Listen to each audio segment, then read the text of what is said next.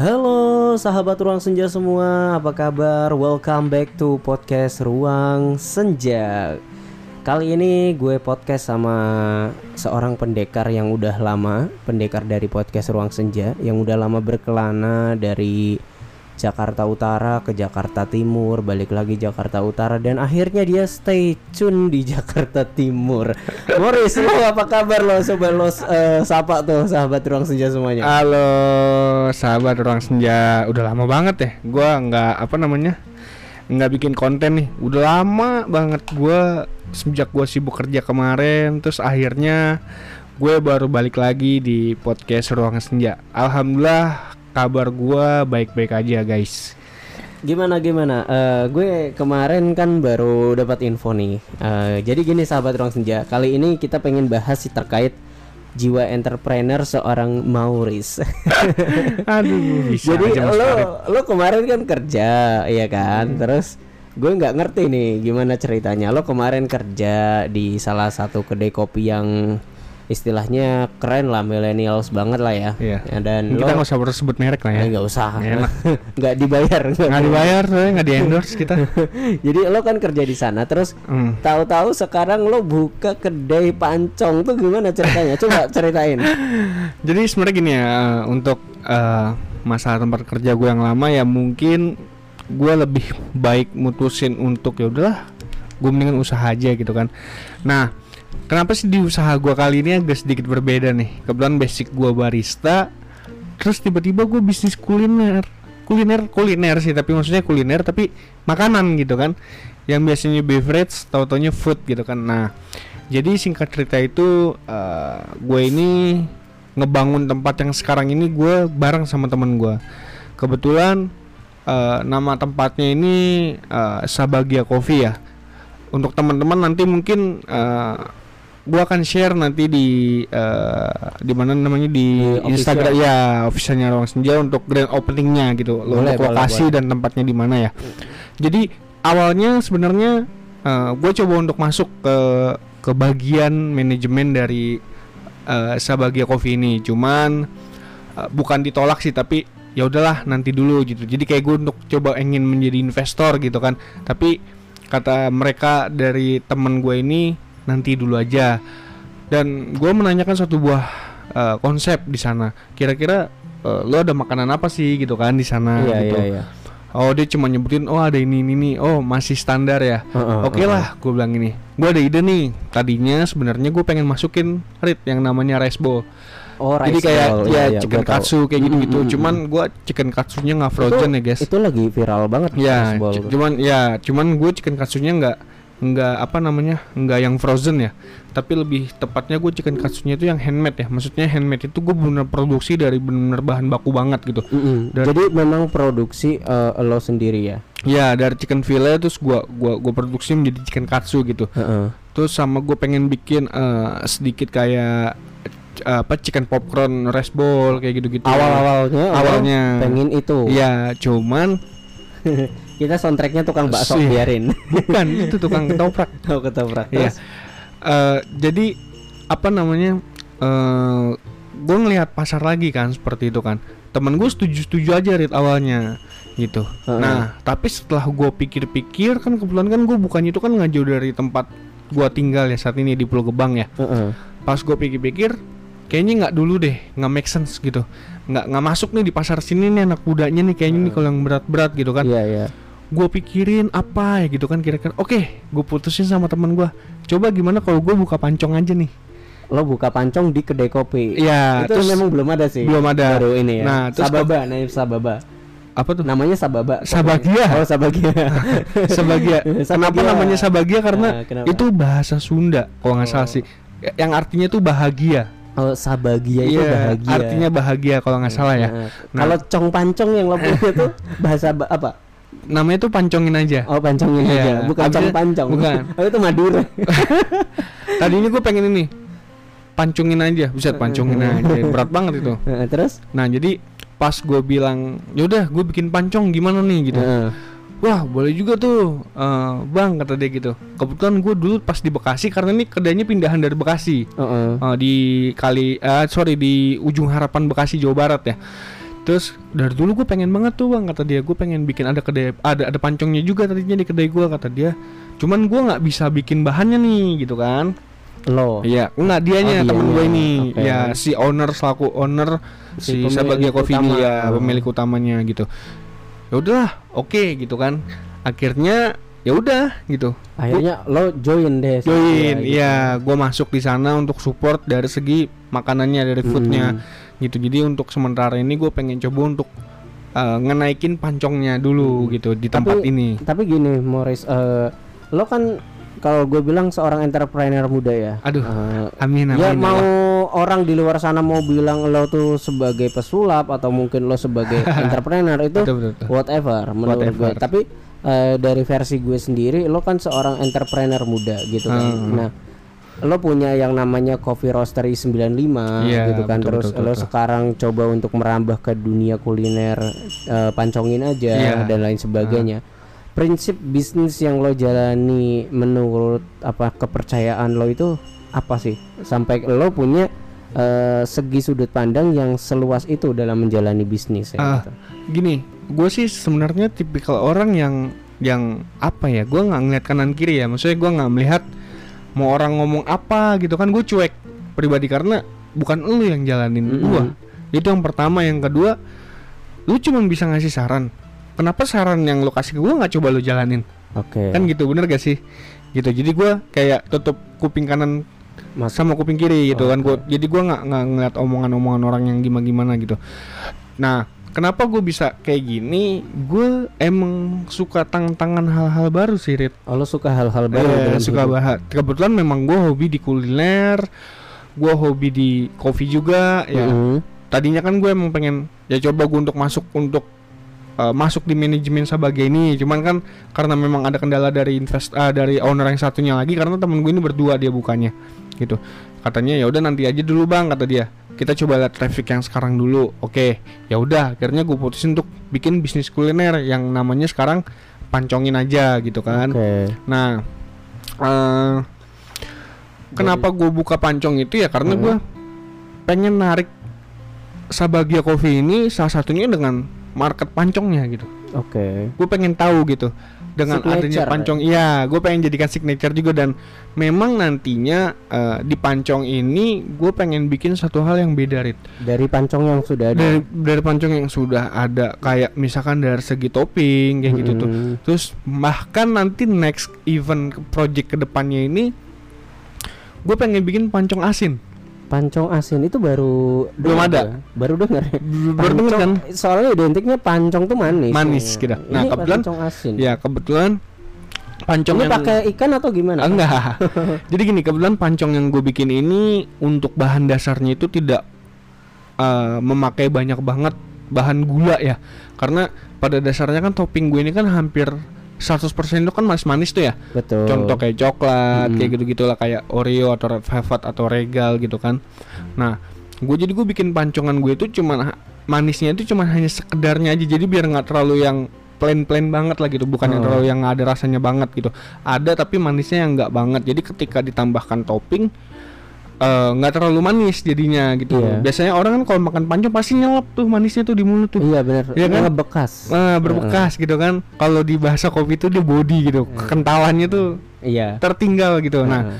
gue pengen bikin tuh di pancong ini nggak yang seperti itu, Rit. jadi, jadi- beda dari yang Heeh, lain. jadi bener nih gue create, gue create dengan dengan resipi gue sendiri, walaupun gue sempat ada sharing sama orang, tapi dari yang gue sharing itu sedikit ada yang gue create, Heeh. ada sedikit perubahan dari eh, bahan da- eh, bahan bakunya ini, si bahan Heeh. dasarnya ini, gitu. Jadi gue juga bikin nggak terlalu manis. Terus next di event project ini, gue pengen bikin ada yang namanya pancong asin.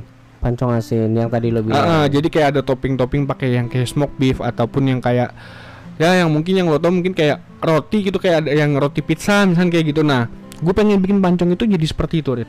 Jadi pancong ini berevolusi Iya, lah. Jadi benar. bukan hanya sekedar makanan tradisional Ah. tapi bisa mengikuti perkembangan, Perkembangan zaman. Kita tidak tidak menghilangkan tradisionalnya ya. Kita tidak Mm. kita meng- cuman kita hanya ada variannya aja biar orang tuh nggak yang Nggak oh, monoton iya, pasti. yang nggak monoton. Pancong semua sama. Kalau kita bicara pancong semua sama. zaman. Iya benar. Pancong lumer pun semua sama. Mm-mm. gitu semua sama dari segi topping semua sama tapi eh, kita harus berani gitu. Even semuanya ada semuanya sama kita tapi kita harus berani berevolusi. Heeh. kita boleh ngikutin kiri kanan kita tapi kita punya suatu perubahan gitu gimana caranya nih? Kita ngikutin tren orang tapi kita dengan gaya kita sendiri Iya. dengan cara kita sendiri. Nah gue coba untuk menggunakan idealis dalam diri gue Oke. gitu. Gue pengen coba untuk bikin suatu pancong ini jadi beda. Gimana caranya? Gue nggak mau tahu. Gue pengen bikin beda orang mau suka atau enggak urusan belakangan Heeh, yang Karena- penting lo coba berkreasi Iya, dulu, gitu. karena kan di dalam bisnis kuliner itu soal rasa itu bukan apa ya, bukan si chefnya atau si yang yang nyajiinnya itu tidak enak, Heeh. tapi enak nggak enak itu tergantung selera si konsumennya masing-masing. iya si penikmat Iya, si penikmat kita tidak bisa mengikuti terus kemauan customer-customer kita. Penik- ya, kalau kayak gitu sampai kapan pun itu akan berubah bahan dasarnya gitu. Tapi gue mau tanya ini, Morris, eh, terkait bisnis yang lo coba jalani sekarang ini ya kan. Ah, ah.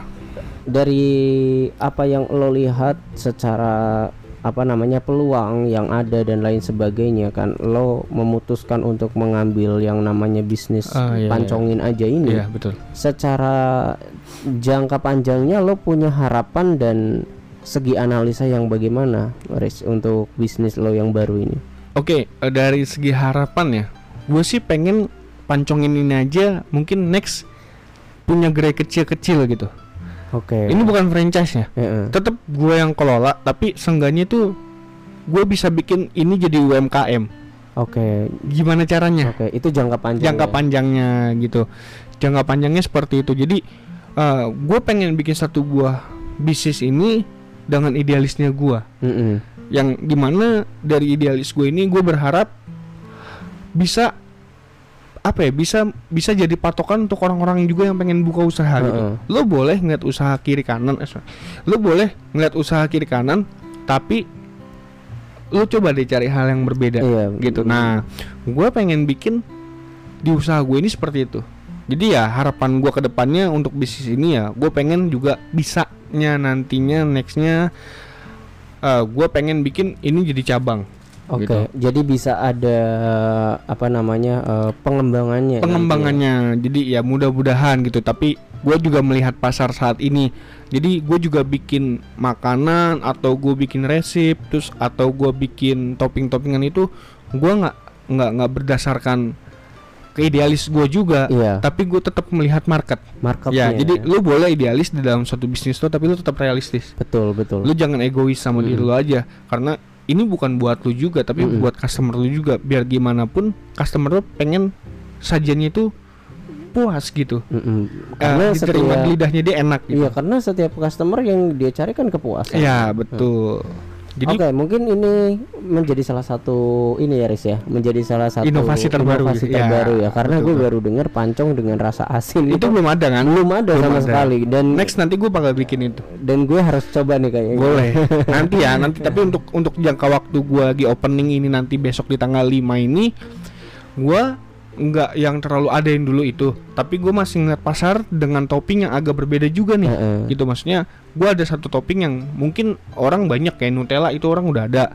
Terus mungkin atau kayak maca kayak gitu udah ada, tapi gua masih topping dasar tapi ada sedikit gua remix gitu, ada sedikit gua create lagi gitu. Jadi nggak nggak yang monoton juga.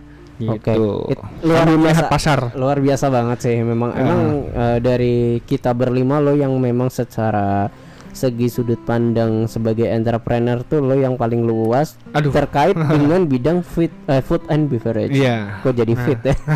Sorry, food, food, food ya. Ah. Jadi ini sangat ini ya sangat eh, gue kadang berpikir gini dari segala kesibukan lo kayak kemarin lo masih jadi barista dan lain iya, sebagainya betul. lo tetap eh, jalanin usaha roastery dan lain sebagainya. Ka- tapi kalau bicara usaha roastery sekarang sudah pada posisi mana nih bro? Posisi saat ini ya eh, untuk eh, di roastery gue yang 95 Coffee Roastery ini ya alhamdulillah ya. Maksudnya walaupun pasar gue bukan ah, belum luas-luas banget tapi seenggaknya untuk market di daerah rumah gue ya itu coffee shopnya tuh hampir hampir 100% itu sudah pakai brand gue. Brand lo. dan di Bekasi itu baru mencakup sekitar 25% lah. 25 Iya dari Jakarta dan Bekasi itu ya udah udah cukup lumayan tapi gue sih berharap juga gue pengen ya nggak sampai sini aja gitu. Gue juga di Bekasi pun gue pengen hampir nguasain misal bukan nguasain dalam arti kata berkuasa atau gimana tapi gue pengen punya market juga di Bekasi gitu. market yang Ya. istilahnya ya apa ya customer tetap lah ya. Iya, kalau di Bekasi ini customer tetap gue ya ya 25% gitu. Tapi kalau ngomongin income, profit pendapatan, kira-kira dalam satu bulan omset lo nyampe berapa dari usaha yang lo udah jalani selama ini? Jadi gini Rit ya, kalau kita berbicara usaha ini Rit, income itu omset profit itu belum ada Rit. Belum ada dalam tanda kutip tuh. Lu masih muter. Oh, Lu lu belum bisa nikmatin yang bersih banget. Oh ya enggak kalau omset itu kan pendapatan kotor. Ah. Jadi eh, dia muter tapi tetap kita akui sebagai omset. dong. Ya pasti kalau untuk omset itu ya ya adalah di atas. Maksudnya ya gue belum nyampe yang sampai 5 juta tapi seenggaknya di bawah range 3 juta itu gue udah megang Wow. gitu. Itu keren lah. ya Karena apalagi lo kan istilahnya branding baru ya. ya lo bersaing baru. sama Eh, eh, kompetitor-kompetitor yang lain. ya. kompetitor yang Ya. lain gitu. Heeh. Ya gue sih juga bikin roster ini gue juga bukan marketnya itu bukan cuma sekedar kedai kopi aja Heeh. tapi gue bener-bener gue bikin market ini pun juga untuk orang yang bener masih awam di dunia kopi. Hmm. gitu. Jadi gue punya visi misi itu gimana caranya gue pengen bikin orang itu terbiasa dengan kopi-kopi yang seperti ini. Hmm, iya. gitu. Kan kalau sekarang kita tidak menyalahkan ya maksudnya ada masih beberapa orang yang pakai kopi-kopi saset ya gitu yang lebih simple. Nah Iya. gue juga pengen orang itu kenal dengan kopi yang seperti ini gitu loh kita dengan metode-metode yang misalkan kayak V60 atau metode-metode sipon, aeropress dan yang lainnya. Iya. biar orang tahu gitu. Dan ke depannya juga gue ya gue pengen orang awam juga bisa menjadi penikmat juga gitu. Tanpa harus ribet dia bikin pakai metode V60 tapi di konsep gue ini pun gue juga sudah memikirkan hal ini gitu. Gimana caranya orang pengen ngopi yang seperti ini gitu khususnya kopi Nusantara yang ada di Indonesia dengan cara yang simple Itu yang jadi alasan kenapa akhirnya lo bikin produk eh, 95 kopi Iya, roaster. gitu. dengan dengan packaging bukan ah, dengan packaging sesimpel mungkin nggak seperti yang kebanyakan roaster-roaster sekarang ya gitu Mhm. banyak memang mereka eh, membuat inovasi dari segi packaging yang mungkin bisa melihat eh, bisa mengundang orang untuk tertarik Mm-mm. gitu tapi gue dengan menggunakan packaging yang sesimpel ini tapi tujuan gue sebenarnya gue pengen bikin gimana caranya di Indonesia ini kopi semakin lebih besar lagi perkembangannya nggak cuman jadi nggak cuman orang bisa ngade di eh ngopi di satu buah coffee shop tapi lu bisa di rumah juga Iya betul Gitu. sekali. Karena Iya. seperti halnya gue lah ya. Mm-mm, betul sampai ada alat-alat di sini jadi gue bener nantinya juga gue ada project sama kedai kopi di di tempat temen gue di Rawamangun ya Heeh. di pesan kopi namanya nah itu gue ada project juga gue pengen bikin satu buah eh, apa namanya persona branding Heeh. eh, bareng pesan kopi ini gimana caranya lu bisa nyeduh kopi juga di rumah dengan sesimpel mungkin Oke. gitu jadi gue benar punya inovasi ya mungkin memang sudah ada yang pakai tapi seenggaknya masih belum banyak juga Betul. nah gue pengen coba untuk sedikit demi sedikit coba untuk mengembangkan gimana- ya itu mengembangkan ini untuk bahasanya kasarnya itu lu meracuni Eh, iya iya. dengan metode sesimpel itu biar lu ngopi kopinya kopi beginian Mm, mm, mm, gitu dengan cara gimana pun caranya ya lo harus kopinya kayak gitu Iya. ya biar ya itu juga membangun yang namanya mm, branding ya. ya Heeh. kita rubah pola pola pikir orang-orang tersebut Iya. biar kenal juga sama kopi-kopi yang Iya, seperti benar. ini Bener Gitu. banget. Setuju setuju itu emang eh, kalau bicara entrepreneur tuh memang gak ada habisnya Nggak ada ya, Riz, ya. habisnya, karena betul. semua itu kayak entrepreneur seseorang dan lain sebagainya itu pu- harus punya ide yang fresh banget. ah betul, betul. Ketika lo jatuh dari sini, gue harus ke mana, Ah, jatuh dari sini harus ya. ke mana itu jangan jiwa. pernah jangan pernah apa ya lu jangan pernah kehabisan aja sih sebenarnya Ah. jangan jangan pernah mudah putus asa juga Iya sih benar, selagi lu masih muda lu bangun relasi seluas mungkin benar, benar, benar. Karena, itu buat aset kita Gitu. aset kan. juga Ah, Ben, ah. kita nggak ada yang tahu nanti dari pertemanan mana yang menimbulkan relasi yang begitu baik Betul. gitu Pertanyaan terakhir gue, Moris, Apa? buat lo. Gimana caranya semua pendengar podcast Ruang Senja ini bisa datang ke Pancongin aja yang Oke. akan rilis di tanggal 5 Oktober 2021 ini. ya besok lah ya Besok ya. besok ah Besok karena kita ini podcast di tanggal 4, guys. tanggal 4 tanggal 5 tuh udah launching ya Dan eh, di mana tempatnya gitu? Oke, eh, mungkin bagi pendengar setiap podcast Ruang Senja yang ada beberapa rumahnya ada di sekitaran Jakarta Timur ya, khususnya di Pulau Gebang Cakung, kalian bisa mampir aja ke Jalan Saworaya nomor 150 Pulau Gebang Cakung Jakarta Timur. Ya tepatnya pertigaan Blugas kalau kalian tahu ya. Ya mungkin nanti juga pantengin aja untuk eh, apa namanya? Instagramnya Ya Instagram ya. kita juga kayak Instagramnya Sabagia Coffee atau pancongin aja di feed ataupun di eh, instastorynya official ruang senja. Iya betul. Gitu. Karena nanti Ruang Senja juga akan coba ngobrol-ngobrol sama ownernya Sabagia Ya, juga ya. betul, betul. biar Bisa, bisa, bisa, menginspirasi semua Ya. teman-teman podcast Ruang Uh-uh. Senja. Oke Morris, thank you banget untuk waktunya dan thank you banget karena lo sudah menginspirasi teman-teman Ruang Senja, Ya. jiwa entrepreneur lo semoga semakin luas dan Amin, semakin amin, amin. bisa Ah, berbagi informasi betul betul. mereka. Pokoknya gue ada sedikit pesan ya buat kalian-kalian semua anak-anak muda bangsa Indonesia ini. Heeh. Lu jangan pernah putus asa dengan segala suatu hal apa pun yang saat ini lu jalanin Betul. gitu. Jangan pernah kecewa dengan suatu hal Eh, yang contohnya pernah lu alami. Iya, tetap semangat ya walaupun hujan semangat. gitu. Heeh. Jadi kayak eh, apa namanya? Lu anak muda di usia yang sekarang masih panjang umurnya gitu kan. Heeh. Ayo lu semangat untuk melakukan suatu hal yang mungkin di luar pemikiran anak muda anak muda pada umumnya. Heeh. Kadang anak muda ada yang cuma sekedar nongkrong tapi ya cuma sekedar nongkrong lu duit. betul. Tapi kenapa nggak lu jadikan tongkrongan itu menjadi sebuah bentuk uh, relasi lu, betul. relasi lu itu yang jauh lebih baik. Sehingga ketika lu pengen membangun sebuah ide-ide usaha ataupun ide-ide bisnis, lu bisa dapetin dari relasi dari Relasi, relasi, lu itu heeh. sendiri gitu. Heeh. Intinya lu jangan pernah patah semangat. Ayo, gue pun juga bisa dibilang masih muda juga, tapi gue mau belajar gitu. Jadi buat kalian juga jangan pernah putus asa buat belajar.